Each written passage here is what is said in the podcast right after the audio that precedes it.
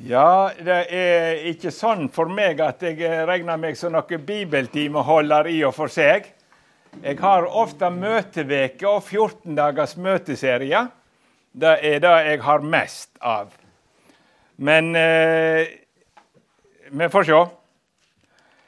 Det er Uansett får vi lov å venne oss til Gud, og det skal vi begynne med. Kjære Herre og Frelser. Vi takker deg for vi får ha ditt levende ord.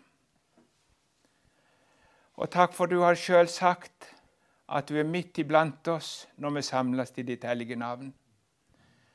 Vi ber deg om Din Hellige Ånd at det vi nå skal høre fra ditt ord, må verte til gagn, må verte til at du får med oss å gjøre, og vi med deg å gjøre. Godt å tenke, tale, gjøre, dertil må Din Ånd oss føre. Amen. Ja, Siden ja, det var nevnt Jesu ypperste prestlige bønn, så kunne jeg jo innlede med et vers derifra. Og Det er tenkt sånn at det som ei bønn han bærer fram som vår ypperste prest, ja, så han faktisk har tatt med seg inn i sjølve himmelen. Så vil vi vite noe av det som Jesus ber om i himmelen, så tror jeg vi gjør rett i å lese det som står der. Men der sier han i et vers jeg helger meg for deg, for at de skal være hellige i sannhet.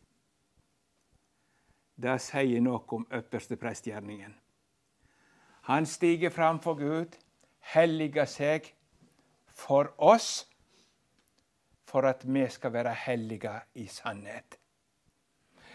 Ja, jeg har tenkt det sånn, og nå får vi se om det når vi er ferdige, høres ut som vi har truffet det, som jeg tenkte, at jeg i dag skal stoppe hvorfor vi trenger en øversteprest.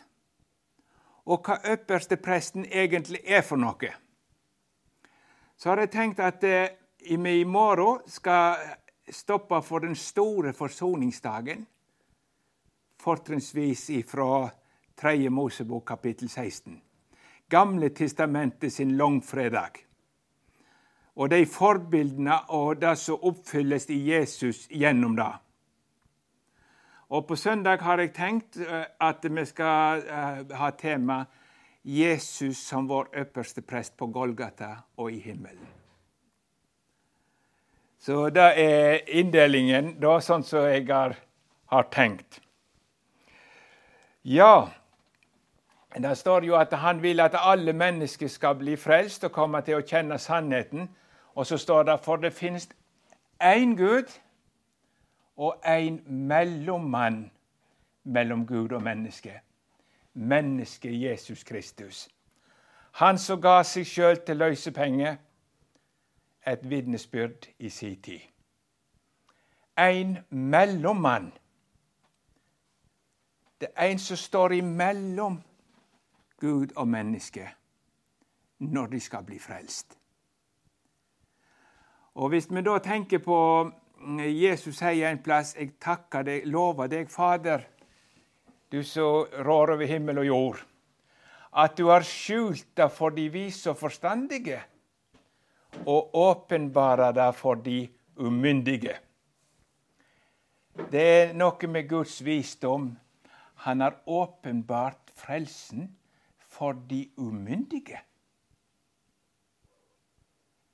De umyndige, altså de som ikke sjøl kan ordne opp for seg. De er ikke i stand til å ivareta sin sak. Og da trenger de beint fram en formynder. Ikke sant? De trenger en som ordner opp for seg. Og det er det Gud i sin visdom har gitt oss i Jesus og så de umyndige får øye på. De som kommer i en sånn stillstand, og her er det snakk om eh, deres personlige erfaring I virkeligheten trenger vi en som ordner opp alle sammen. Men det er ikke alle som ser det. Men det er noen som i møte med Gud blir umyndige. De skjønner jeg finner ikke fram, jeg, jeg får ikke ordna opp. Jeg er ikke i stand til å ta vare på min sak. Jeg kan ikke ordne opp i mitt gudsforhold. Jeg er umyndig. Jeg makter ikke ta vare på min sak og ordne opp for meg. Så åpenbarer Gud frelsen. Han har gitt oss en formynder. Kan bruke det uttrykket. Jeg skulle egentlig innledningsvis lest noe eh, om som står om øversteprestene. Vi kunne lest de fra Hebreabrevet, og det hadde jeg god lyst til, men jeg, jeg tror jeg må prøve å være nokså restriktiv med hvor mange ord jeg skal lete fram. Men jeg måtte slå opp et ord. Eh, har det Biblene framfor dere? Nå leser jeg så dere forstår etter grunnteksten på nynorsk. Nei, det var når de oversatte til nynorsk, så var det ei dame var fra Østlandet som sa at dette syns hun ikke om. For Bibelen skulle en ha på det språket som Jesus brukte. Så det er riktig. Eh, jeg liker nå, eh, og for så vidt så var jeg nesten litt forundra på at Delk ikke valgte det, men jeg bruker helst NB 880, og så har jeg den nye 211 for hånden. Jeg ser eh, hva som kan stå der stunda, men jeg har brukt den andre som min bibel. da. Men siden jeg er fra Vestlandet, så skjønner dere at det må bli nynorsk. Og jeg gjør ingen forskjell om jeg kommer til Oslo, for det makter jeg ikke. Jeg blir bare rar hvis jeg skal prøve. Så jeg håper dere forstår meg, og at lyden og alt er greit. Vi har ikke mikrofoner, så jeg håper det går greit for dere alle. Og jeg syns dialekten er rar, så får dere prøve å bære over med oss. Eh, det skal bli greit når vi kommer til himmelen og Babels forvirring er fullkomment oppheva. Men eh, enn så lenge så får vi leve med det. Ja, det var da verset fra Jeremia 30, vers 21, og jeg leser òg vers 22. Et merkelig vers som ikke i utgangspunktet kanskje ser ut som det handler om Jesus øverste prest. Men der står det 'Hans herlige' skal være av, av hans egen ett, av Israels ett, altså. Og herskeren hans går fram over hans egen folk. folk. Jeg vil la han komme ned. For hvem vil ellers våge livet å komme meg ned, sier Herren. Det skal være mitt folk, og jeg vil være dykker Gud. Da vers 22 er jo frukten av den gjerningen som han gjør. Men det står om han, Jakobs herlige. Han som skal være herskeren over Jakobs ett til evig tid. Og så står det om han 'Jeg vil la han komme meg nær'. Og Hvis en hadde hatt gamle 1930-oversettelsen, eh, så har den et fyldigere uttrykk. Og den gjentar ikke bare at han skal komme ned, men jeg vil la han tre fram for meg. Det kommer med to uttrykk. Og Jeg måtte sjekke med Jan Bygstad om det stemte. For der har, eh, mente jeg han hadde sagt en gang at der brukes det uttrykket som står om ypperstepresten sin gang inn i helligdommen. Og det stemte. Jeg vil la han tre fram for meg. For hvem vil ellers våge livet og komme meg nær? La du merke til det siste? Hvem vil våge livet og komme meg nær? Vi er i våre dager så vant med at folk tegner Gud i sitt eget bilde. Det var vi som skulle være skapt i Guds bilde, men vi har ikke noe med å skape Gud i vårt bilde. Så lager en seg en Gud som passer sånn som vi vil ha den. Det er årsaken til avgudsdyrkelsen over hele jorda. Det er at menneskene har lyst til å lage sine egne guder. Da får man sånn som vi vil. Og i dag er det veldig vanlig.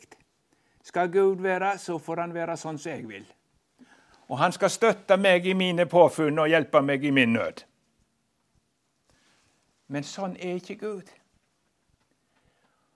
Og Gud er sånn at han er farlig for oss syndige mennesker. Vi tenker så lett at ja, bare å være i Guds hånd, det er så godt å være i Guds hånd. Ja, for den som har funnet nåde, så er det godt. Men det står det er forferdelig å falle i den levende Guds ende. Så det som jeg har først lyst til å understreke, det er ikke selvsagt at vi kan komme Gud nær. Hvem vil våge livet å komme Gud nær? For etter syndefallets dag så setter Gud en kjerub som skulle vakte veien til, inn Gud og til paradis. Og den som prøver å gå inn der, han kommer til å koste livet. For Gud er en hellig Gud. Og Det er litt grann til det jeg har lyst til å peke på aller først. Og Da skal jeg begynne med mm, å vise til den hendelsen som skjer når Gud steg ned for å fri Israel ut av fangenskapet i Egypt. Og Det er jo Mose, eh, andre Moseboks tema. Det er hvordan Gud stiger ned og frir ut sitt folk ur fangenskapen og fører dem til seg på Sinai. Og der vil han inn i pakt med folket, og han vil bo i Israels folk. Han vil ikke bare være en gjest, men han vil at de skal være hans folk, og at han skal bo mellom dem. Så Første delen av andre Mosebok det er at han frir de ut og fører de til seg på Sinai. Og andre delen er at han går inn i pakt med dem, for at de skal være hans folk, og han skal bo midt iblant dem. Men når Gud skal gjøre den gjerningen, så åpenbærer han seg på en spesiell måte. Og den hadde lyst til å peke på aller først. Han stiger som Herrens engel, og den Herrens engel eh, som stiger ned, det er Herren sjøl, altså. Herren sjøl stiger ned. Og da åpenbarer han seg i tornebusken. den brennende tornebusk. Det husker det. Og det er ikke noe uvanlig syn med en brennende tornebusk, for tornebuskene i, i, i ørkenen de brenner veldig godt. De er så oljerike at de brenner godt. Og da kan du si med en gang tar det fyr i en tårnebusk, så er tårnebusken fortapt. Men så ser han at han brenner og brenner, og han brenner ikke opp. Dette var merkelig. Og så vil han stige nærmere. Og da stopper Gud han. Stig ikke nærmere, men ta skoene av føttene dine, for den staden du står på, er hellig jord. Et symbol, kan du si, for det var Gud som var steget ned som den brennende ild. Og tornebusken den tror jeg vi skal forstå som forbilde på Israel og på oss mennesker etter syndefallet. Husker dere nå når eh, Gud lyser forbannelsen over skaperverket? Forbanna skal jorda være for de skyld. Tårn og tistel skal hun bære deg og med mye skal du nære deg av henne til du får i jorda att. Så jeg tror tårnene har et spesielt eh, forbilde hvordan det er blitt etter synden kom inn. Og når da Gud stiger ned i tårnebusken, så skulle du vente at tårnebusken hadde brent opp. Og det er jo det som er vårt problem. Hvis den hellige Gud stiger ned og skal bo iblant oss, så dør vi for vi er blitt syndige mennesker. Men kan han allikevel stige ned og brenne i tornebusken, og tornebusken brenner ikke opp? Ja, han kunne. Og det er frelsens hemmelighet. Hvordan kan Gud bo blant syndere, og de brenner ikke opp? Det er den store gåta. Og Moses skal få lov å komme nærmere, men på Guds måte og vei. Ja vel.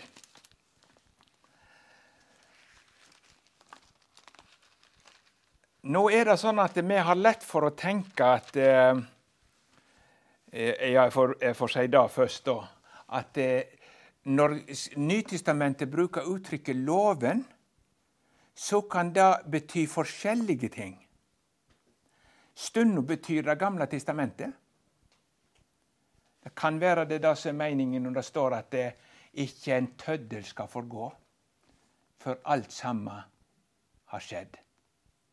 Iallfall er det sikkert at Jesus vedkjenner seg Det gamle testamentet ned til sinste prikk. Det kan vi være sikre på.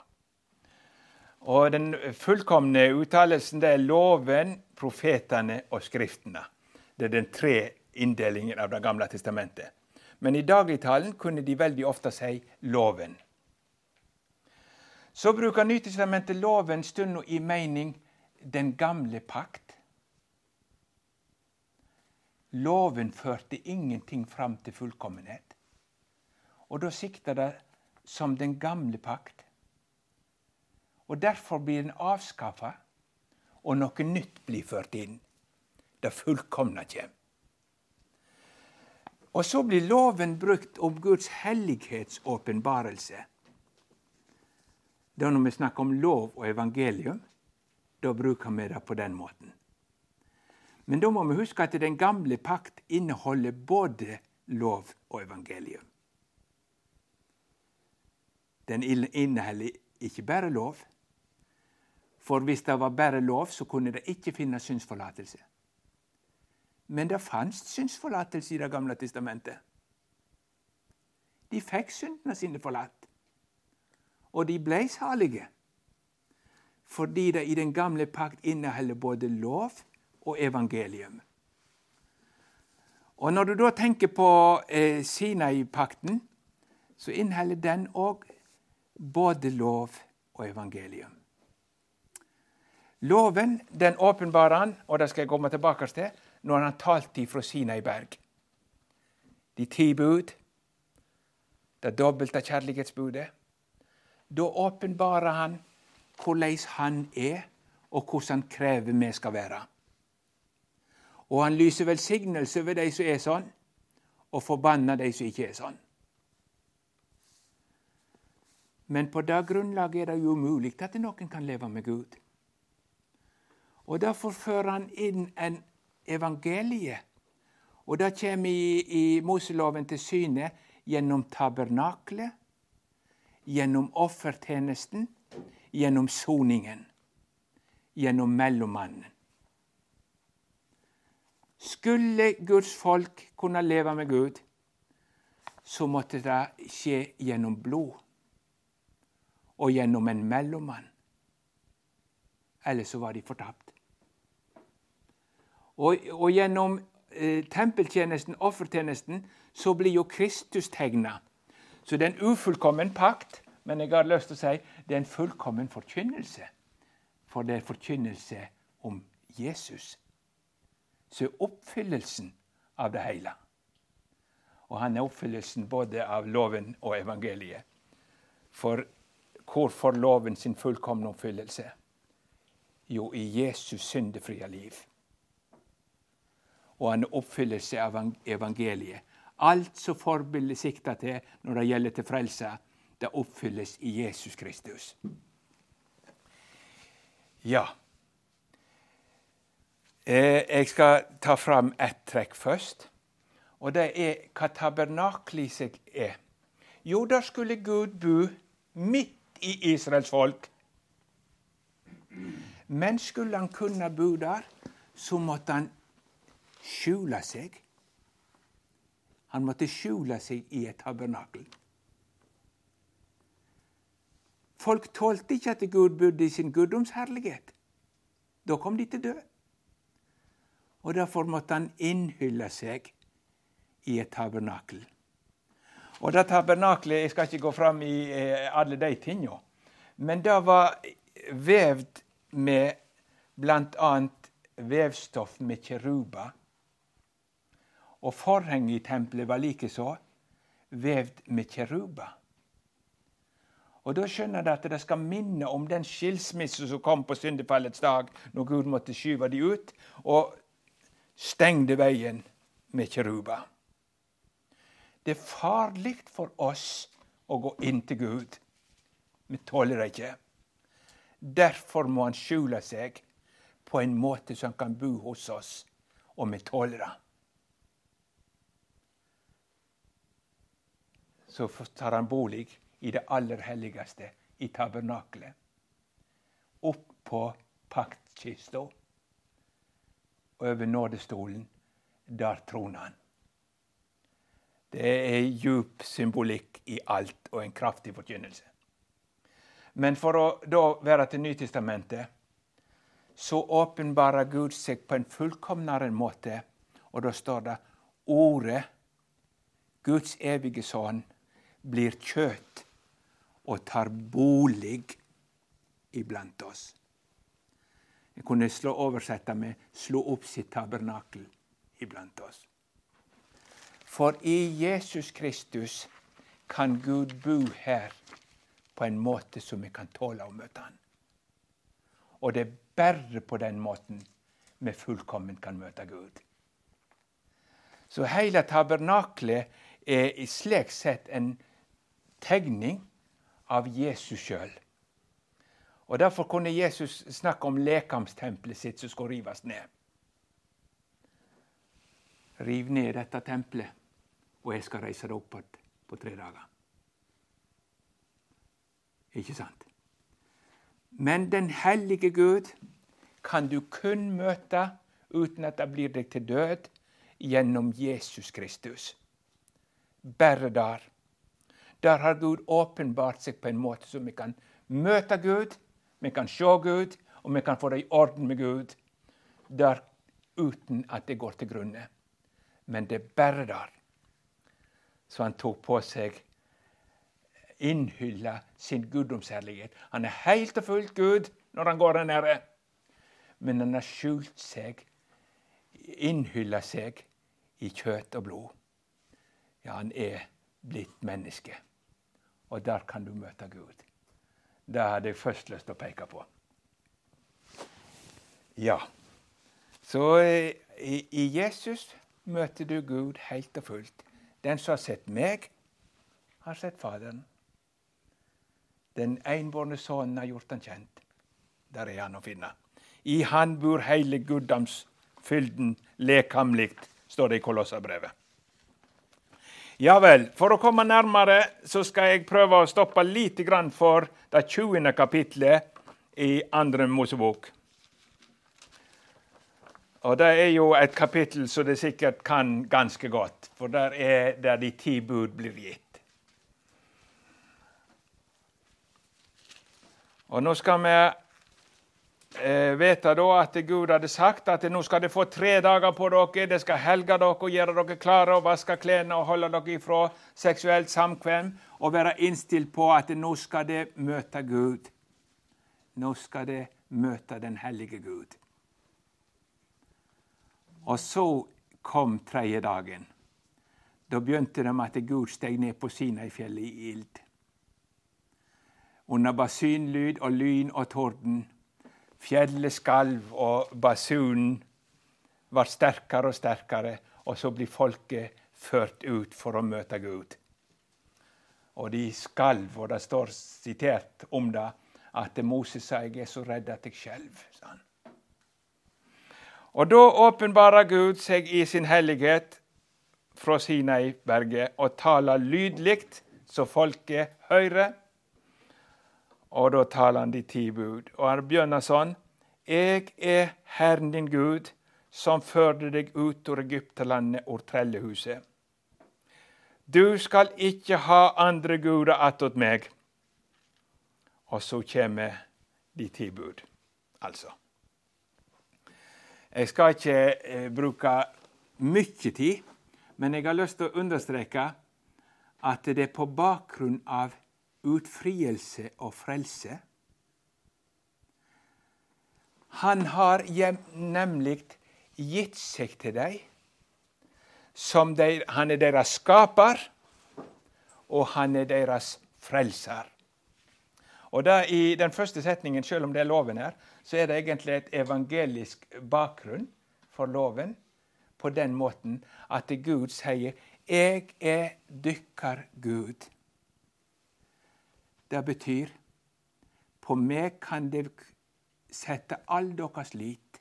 Jeg er deres skaper. Jeg er deres frelser.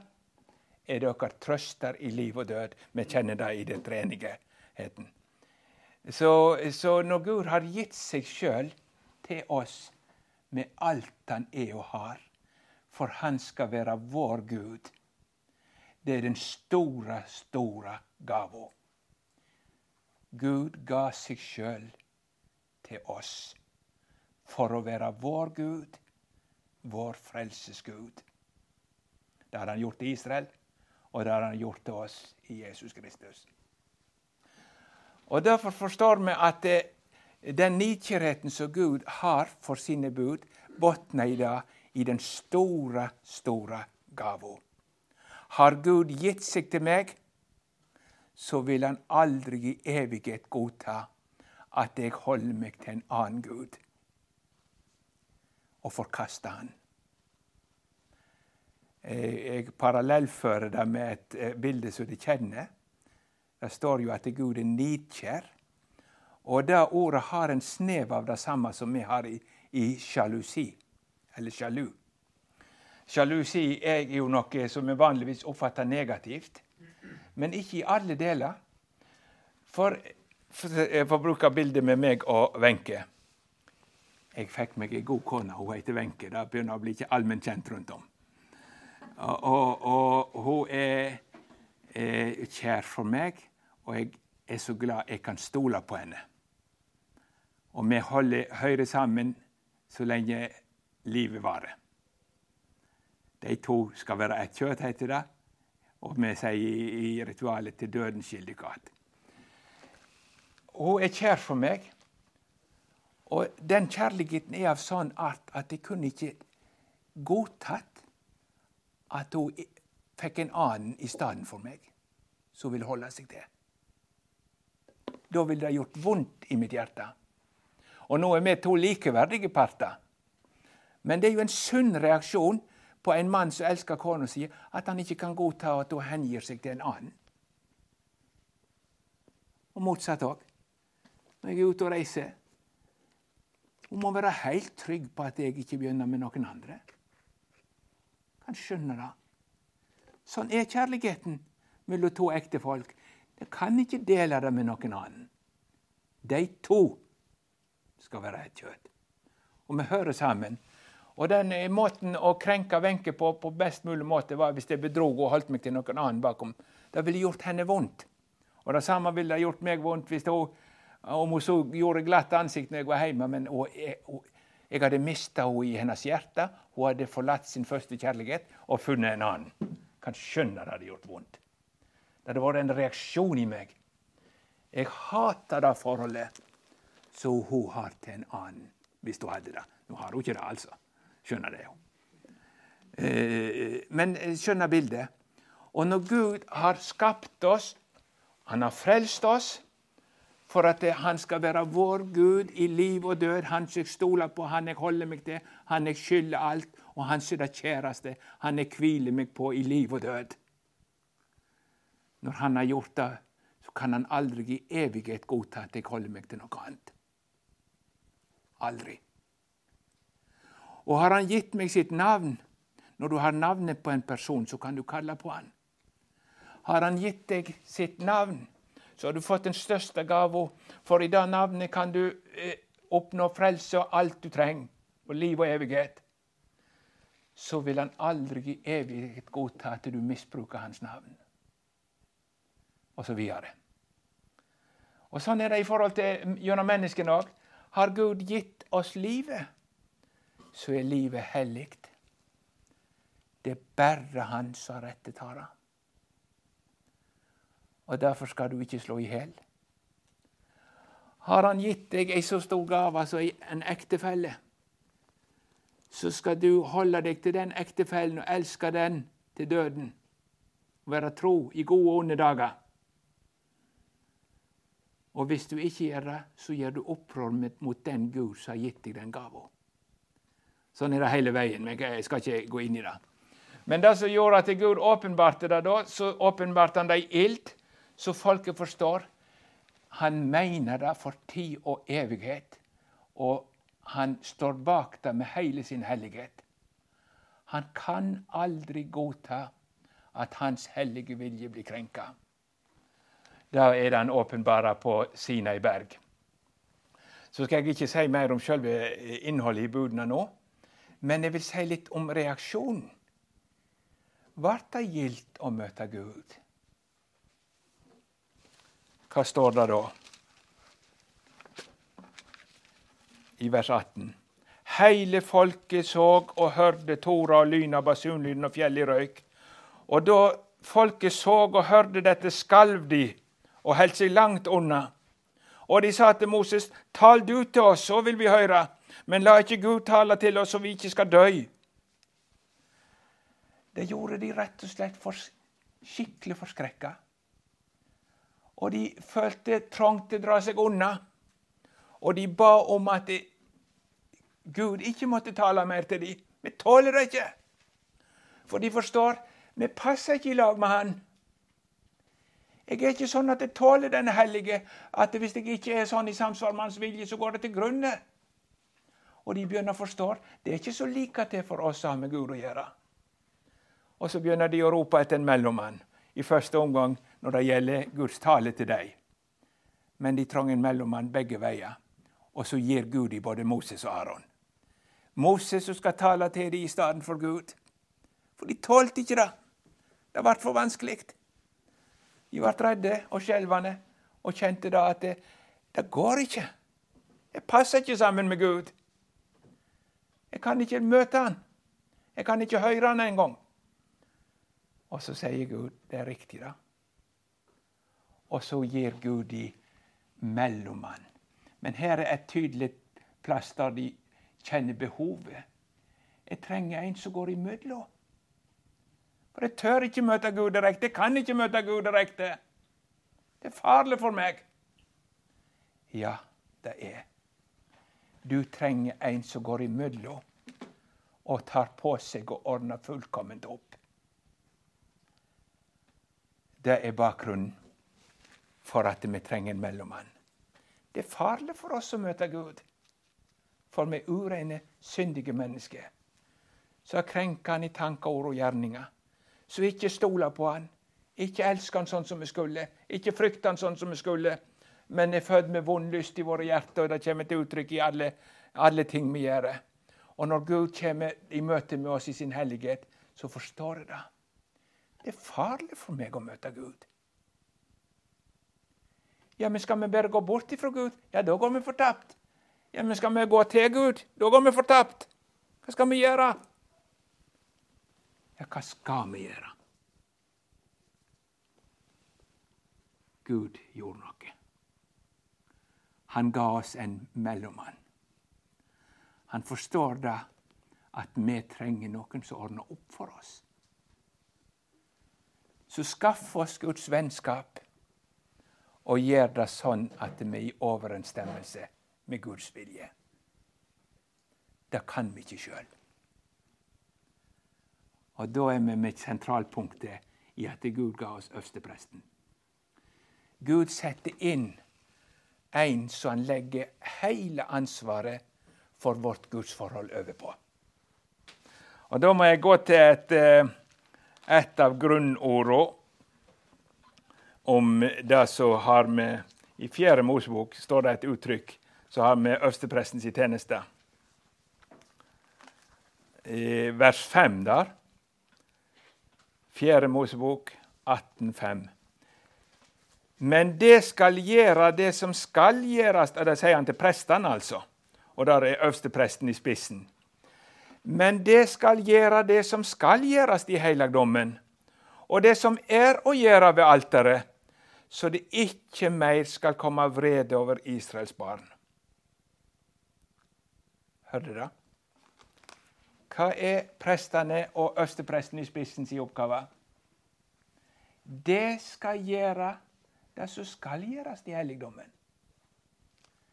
Det skal gjøre det som skal gjøres ved alteret, for at det ikke skal komme vrede over Israels barn. Og så blir hele folket satt til side. De kunne ikke ordne opp for seg. Og de skulle ikke ordne opp for seg. Hvis de prøvde å gå inn til Gud sjøl, så kom de til å bli nedslått for Herrens åsyn. Det skal vi ha framme i begynnelsen på timen i morgen.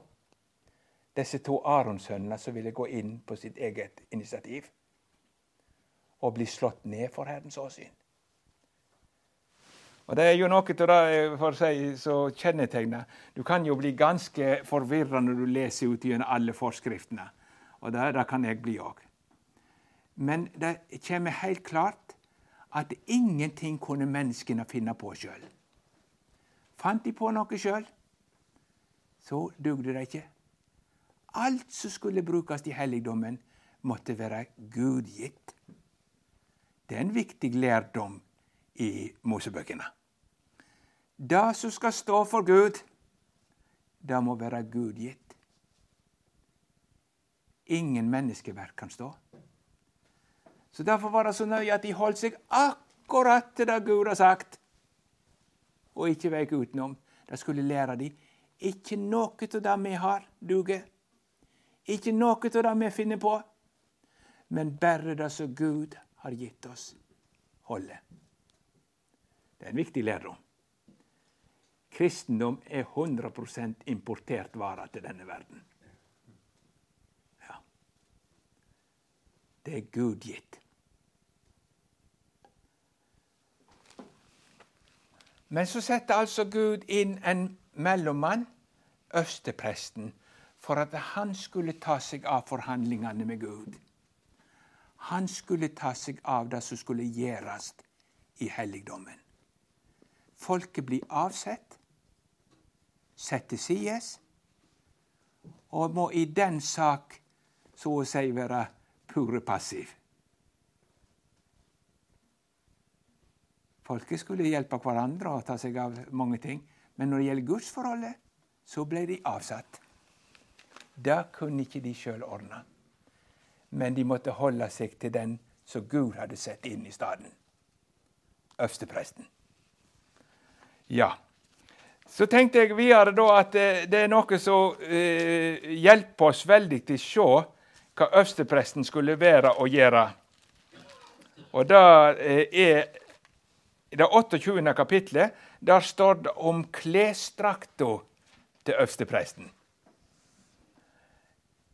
Jeg kan ikke lese hele kapitlet, da skjønner du jo. Da blir det eh, seint før vi blir ferdige. Men eh, øverstepresten var for det første kledd i vanlige presteklær. Og de vanlige presteklærne de var hvite. For det å være prest for Gud, det var å være kledd i hvitt så du kunne gå inn i helligdommen. Og Hele den der ordningen er jo et bilde til frelsen. Ute i forgården der står brenna for alteret, der soningen skjedde. Og der ligger kopperhavet, som det heter før. Kopperkaret. Hva står det i den oversettelsen? Eh, der var det vann oppi. Og når prestene skulle inn i helligdommen, så måtte de først helgast gjennom soningen. Så måtte de døypast, rensast i vatnet, og så ble de kledd i den hvite prestedrakten. Det er et bilde av frelsen, ikke sant? Der en gjennom soningen fordeler det i badet, vannbadet i ordet, og stiger inn i Kristi rettferdighet, som er blitt hvite og reine. Da er vi prester for Gud. Da kan du gå inn i helligdommen og møte Gud, for da er du rein hellig. Det er den vanlige prestedrakten. Og I Nytestamentet er det altså et allment prestedømme. Alle som er kommet til Kristus i troen, de er kledd i den, den hvite rettferdighetsdrakten og kan gå inn i, til Gud. Ja. Men i tillegg så hadde øverstepresten en spesiell skrud som bare han hadde. Og i den skruden der kommer det veldig tydelig fram at han er stedfortreder. Det uttrykket Vi har ikke noe nynorsk ord på det. Hva skal en si på nynorsk? Ja, Det har de grubla på mange. Stedfortreder. er i grunnen et veldig godt ord. Gammel, litt gammelt, men vi har vel ikke noe som kan være bedre. Stedfortreder. Altså, han står i staden for meg. Det er hemmeligheten med øverstepresten. Og det var særlig tre ting på kledningen hans som på en veldig sterk måte understreker det. Og da skal vi ta litt av det som står her i, i eh, det 28. kapitlet. Og så, Der står det bl.a. at han skal opp på det stykket som han bærer, på seg. Der skal han ha to edelsteiner. Onyxsteiner skal det være. Jeg vet ikke Hvis vi leser fra vers 9 og du skal ta to onykssteiner, og på dem skal du grave inn navnene på Israelsønnene. Det skal være seks navn på den ene steinen, og den andre og de andre seks navnene på den andre etter alderen. La navnene på Israelsbarna verte gravne inn i de to steinene, slik som en håndverker grev inn i stein og skjer ut et segl. Og du skal sette dem inn i et flettverk av gull. Du skal feste begge steinene til skulderstykker på livkjortelen, for at de skal minne om Israelsbarna. Og når Aron står for Herrens åsyn, skal han bære navna deira på begge skuldrene sine for å minne om dei. I grunnen et veldig sterkt bilde. Så når han bærer, går inn for Gud, så bærer han vekta av israelsbånda på sine skuldre. De ligger på han, deres sak ligger på han, og han bærer deres sak innfor Gud når han stiger fram. Kan det tenke så fint et bilde? Og dette er bildet på frelsen i Jesus. Så når Jesus tok på seg å være vår øverste prest, så la han oss på sine skuldre. Og vår sak på sine skuldre. Og så ber han oss med seg i alt han gjør. Så tydelig kan det sies at han gjør det for oss han bar oss med seg. Vi var i Han, på Han, når Han gjorde sine gjerninger. Kan du se noe så fint? Du skulle sitte utenfor sjøl, men når Kristus handla som vår øverste prest, så ber Han oss med seg. Vår sak, våre navn, det er oss han arbeider for, det er oss han minner om. Han bærer de på skuldrene sine. Er ikke det fint å tenke på? Et veldig godt bilde. Og så har han eh, Så skal du lage en domsbrustduk, står det i vers 15. Jeg leste her. I fint kunstnerhåndverk i samme slags vevnad, som livkjortelen. Du skal lage den av gull og blå og purpurrød og karmosinrød ull og ta av fintvinna lingarn, som tatt av fintvinna lingarn. Han skal være firkanta og bretta dobbelt, ei spann lang og spann, ei spann brei. Jeg er ikke helt sikker på det, men jeg lurer på om det er rundt 20 cm. Jeg har glemt å sjekke opp det i dag. Ja. Og der han, da står det nedover at han skal sette inn tolv edelsteiner. Tre og tre, fire rekker nedgjennom. Og på de edelsteinene skal hvert navn av israelsettene stå. Står det. De skal, steinene skal være tolv i tallet etter navnene på Israelssønnene, én for hvert navn. Og så står det eh, Dette må du lese litt mer i sammenheng, men jeg refererer mest nå. Men det kan nok lese det. Og den skulle være festa sånn at han ikke kunne skiljes ifra livkjortelen. Så når han var øversteprest, så skal han bære Israelsbarna på sitt hjerte. Nemlig.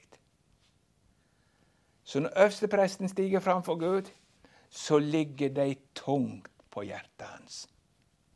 Han bærer de på sitt hjerte. Han representerer dem, han står for dem, han arbeider for dem. Der ligger de på hjertet hans. Og de skulle ikke kunne skiljes derifra.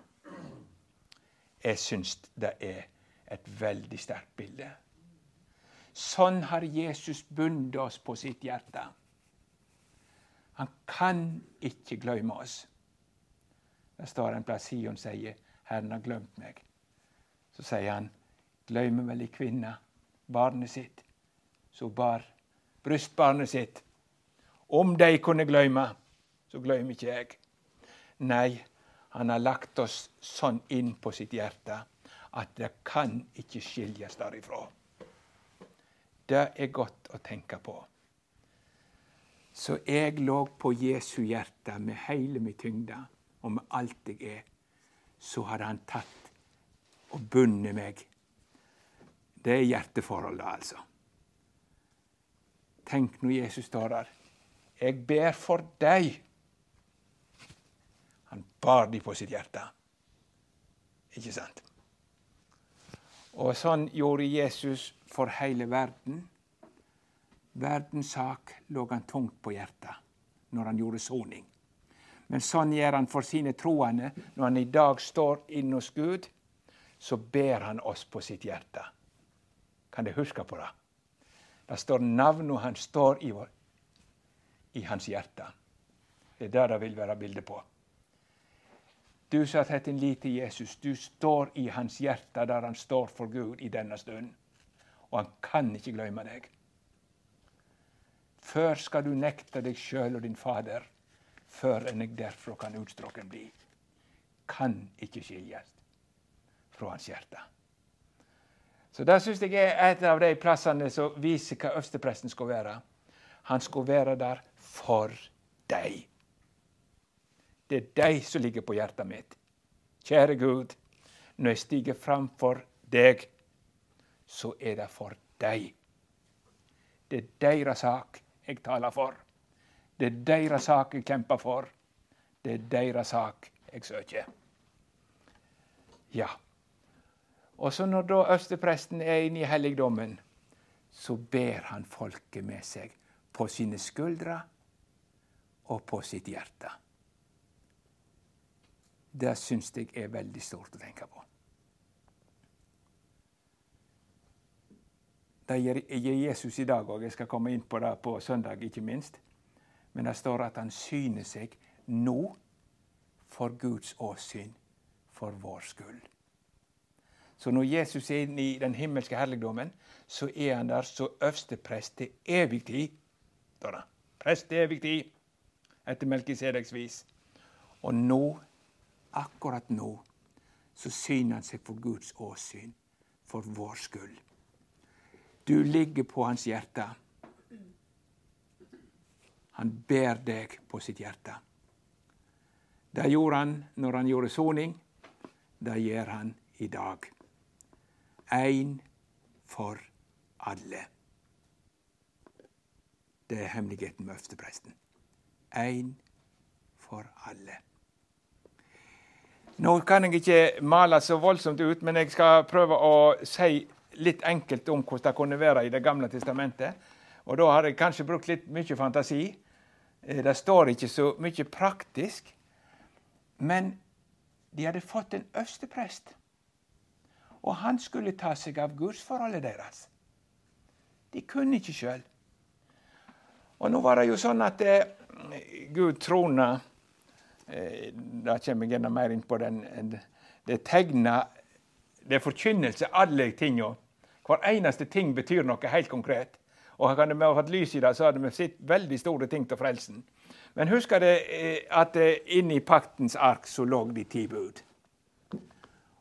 Så det er grunnlaget for Guds regime i Israel. Og er det ti bud, er folk i overensstemmelse med de ti bud, så kunne Gud trona i nåde. Hadde de krenka Guds bud, så måtte Gud trona i vrede. De ti bud ligger der som grunnlaget for hans regime.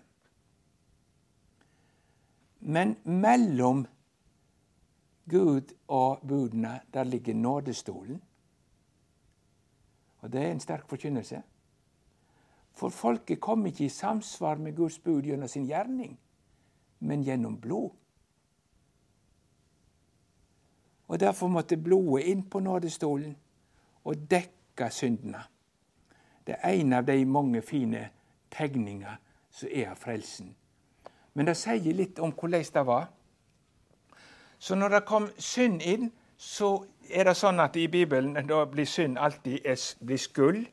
Så det står uttrykket 'den synde å føre skuld over seg'. Ikke sant? Og da er det sånn at eh, eh nå syns ikke det er greit å bruke Bibelen, kanskje, så jeg skal ta en annen bok. Den var litt for fin til å bruke det som bilde på syndene, syns jeg. ja. Eh, så hvis jeg hadde Eh, sagt en usann ting, bedratt et menneske eller snakket eh, den ned bakom deres rygg, sagt falt vitensbyrd om en gjeste, neste, så hadde det ført skyld over meg. Så det lå løgn på meg. Jeg la meg som en løgner, jeg står opp igjen som en løgner. Og nå er det jo sånn at det, i hjertedjupet så finnes alt sammen. Det er jo en sak for seg. Men altså, legg merke til uttrykket 'de fører skyld over seg'. Da står jeg for Gud som en løgner. Jeg legger meg som en løgner, jeg reiser opp som en løgner. Og det fins ingenting som kan ta skylda vekk, bortsett fra døden. Det er problemet. Det er ingenting som kan ta skulda vekk, bortsett fra døden. Den som synder, skal dø. Og det kan ikke Gud ta bort det ordet. Og hva skulle de gjøre når de synda i Israel? Jeg har ført skyld over meg. Tenk dere en mann som hadde gjort det tidlig om morgenen. Han leier våken hele natta, for han husker den hellige Gud, den ilden. Jeg er under Guds dom, for jeg har ført skyld over meg. Den Gud som ikke tåler løgn. Så går han tidlig til teltet til Aron, og så roper han, 'Aron! Aron!' Så våkner Aron der inne, og så kommer han ut. Hva er det, min sønn?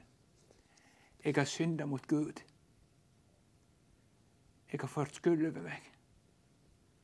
Jeg er så redd at Hans vrede kommer til å ramme meg. Kan du hjelpe meg, Aron? Vær frimodig, sønn, sier han. Jeg skal ta meg av saken. Kom du med offeret til helligdommen, så skal jeg, jeg gjøre soning for deg. Og så fører han fram offerdyret sitt, og så tar Aron over. Og Aron bekjenner skylda over på offerdyret. Og så flyttes skylda ifra den skyldige og over på en stedfortreder ved Arons i hånd. Og de sier når de bekjente syndene over offerdyret, det skal jeg komme mer inn på i morgen òg. Så trykte de hardt. Det var ikke bare sånn at de la hånda lett på, sånn som de gjør i, i brodervigsle, skulle jeg si. Men det var eh, Jeg hørte forresten en jeg kan ta med en liten koselig historie midt i det sitt så alvorlige. Eh, den første gangen han skulle vie ei kronebrur, han presten eh, som var hos oss ei stund, så eh, visste han ikke hvordan han skulle gjøre det, for han var vant med at han kunne legge hånda oppå. Da fant han ikke noe plass til hånda.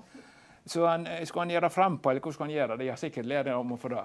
Men det ble til at han stakk hånda ned i krona. Og det ble jo litt gale, for når han skulle ta hånda vekk igjen, så hang eh, kjortelen hans fast. Og så sto de der og kjempa. Det ble en litt spesiell ting. Men altså, eh, når presten skulle legge hånd på, så er det jo meint at nå skal skylda flyttes.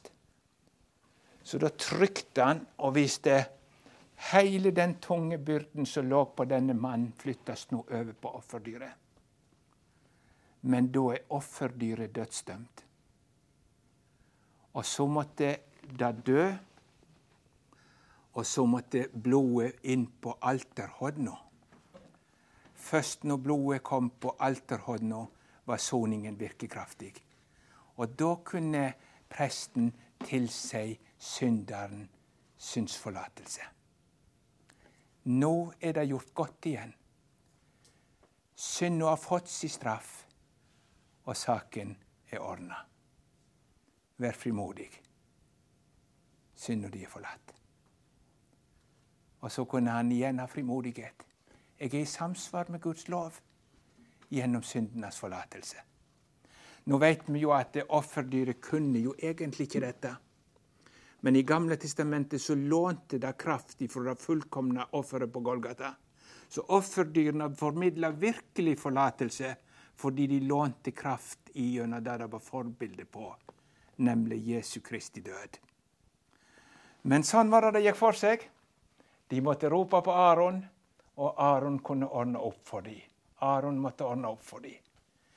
Og så var det jo en forskrekkelig sak hvis de kom til teltet en dag, og så sier de øverstepresten er død. Hvor i verden skal jeg forholde? Jo, så var det blitt en ordning på hvordan de skulle sende det videre. Men dette tar jeg bare fram fordi du skal forstå hvor stort det er at vi har en evig øversteprest som aldri kommer til å dø mer. Derfor kan han fullkomment frelse de som kommer til Gud ved Han. For han lever alltid til å gå i bønn for dem. Og han trenger altså ikke gjøre soning igjen, for han har gjort det én gang for alle. Så nå kan syndige mennesker komme til Jesus med sin synd, og så er de berga. Sånn er det. Fullkommen øversteprest. Vi slipper rope på Aron. Og vi slipper gå til teltet, fordi han er opphøya over alle himler, så han nær hvert eneste syndig menneske. Så alle de som har hørt mann og påkalla Herrens navn, de skal bli frelst. Så stort er det ordna, og så kraftig er det gjort. Men det er én som ordner opp for alle. Det er øverstepresten sin hemmelighet. Og Derfor blir han til berging for alle som tar sin tilflukt til han. Ja, det var i grunnen dette jeg hadde lyst til å minne om aller først. Det er ikke bare for meg å gå inn til Gud og ordne. Men nå har Gud gjort det sånn gjennom sitt ord at jeg er blitt umyndig. Jeg kan ikke lenger ordne opp for meg sjøl. Men så har den samme Gud gitt et salig budskap. Du har én Øyvind som er gitt for å ordne opp for deg.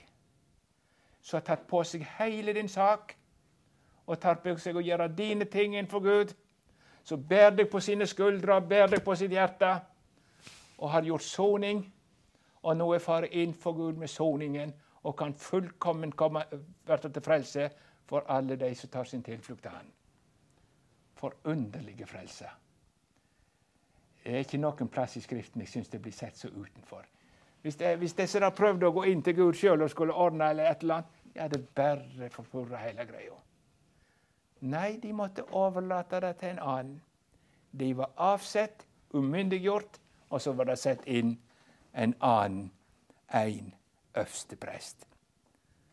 Ja, nå skal jeg slutte, men jeg skal lese bare til slutt da, et eh, avsnitt om øverstepresten fra Hebreabrevet. Jeg kan ikke unngå å fare litt fram og tilbake sånn. Men eh, ja fra vers, kapittel 7, vers 19 leser jeg først. Lova fører ikke noe til fullkommenskap, men ei betre von blir ført inn, og ved henne kan vi nærme oss, Gud, nærme oss Gud. Og så står det fra vers 22. Derfor er det òg ei så mykje betre pakt enn som Jesus har blitt borgsmann for. Og av disse andre prestene har det blitt mange, på grunn av at døden hindrer de å holde fram men han har et prestedømme som ikke kan omskiftes av de han blir værende til evig tid. Derfor kan han òg fullkommen frelse de som kommer til Gud ved han, da han alltid lever til å gå i forbønn for dem. For en slik øverste prest var det vi måtte ha. Heilag, skuldløs, rein, skilt fra syndere og opphøgd over himlene. En som ikke hver dag trenger til, liksom øversteprestene, å bære fram offer, først for sine egne synder og deretter for folket sine. For det gjorde han én gang for alle da han ofra seg sjøl. For lova setter inn veike mennesker som øversteprester, men ordet som blir stadfest med eid, som kom etter lova, setter inn Sønnen, han som har blitt fullenda til evig tid. Ja. Eh, du husker den eh, fortellingen om hun som Eh, de hadde sin egen bekjennelse. De kom til å spørre om hun var i orden. Nei, da var hun ikke sikker på om det var i orden mellom hun og Gud. Da var hun sikker på det ikke var. Ja, men, sier de, Jesus har jo dødd for deg. Ja, sa hun. Jesus har gjort sitt. Jeg må gjøre mitt. Det var en fin bekjennelse. Eh? Og så da satt hun. Det er greit med Jesus, det er greit. Men hun måtte Det var omvendelsen, og det var ja, det ene og det andre. Hun kom ikke lenger, og da satt hun. Ja, det er greit med Jesus, men det er her feilen sitter. Og de var til å prøvde å hjelpe på mange. Og en av de som var der, var Ludvig Hope. Han måtte gå med uforretta sak. Ikke hjelpe henne. Samme hva han sa om Jesus, så sier hun ja, ja, Jesus har gjort sitt. Men jeg må gjøre mitt. Så kom det en mann til henne til slutt, og så sier, begynner hun, nå hørte det var en predikant. Så sier hun ja, Jesus har gjort sitt. Nei, sa han. Nei, har ikke han heller gjort sitt nå? Nei, sa han, Jesus har ikke gjort sitt, men han har gjort ditt. Da lysner det for henne. Han har gjort ditt. Én for alle. Kjære Jesus, vi takker deg for ditt ord. Helg oss i sannheten. Ditt ord er sannhet. Amen.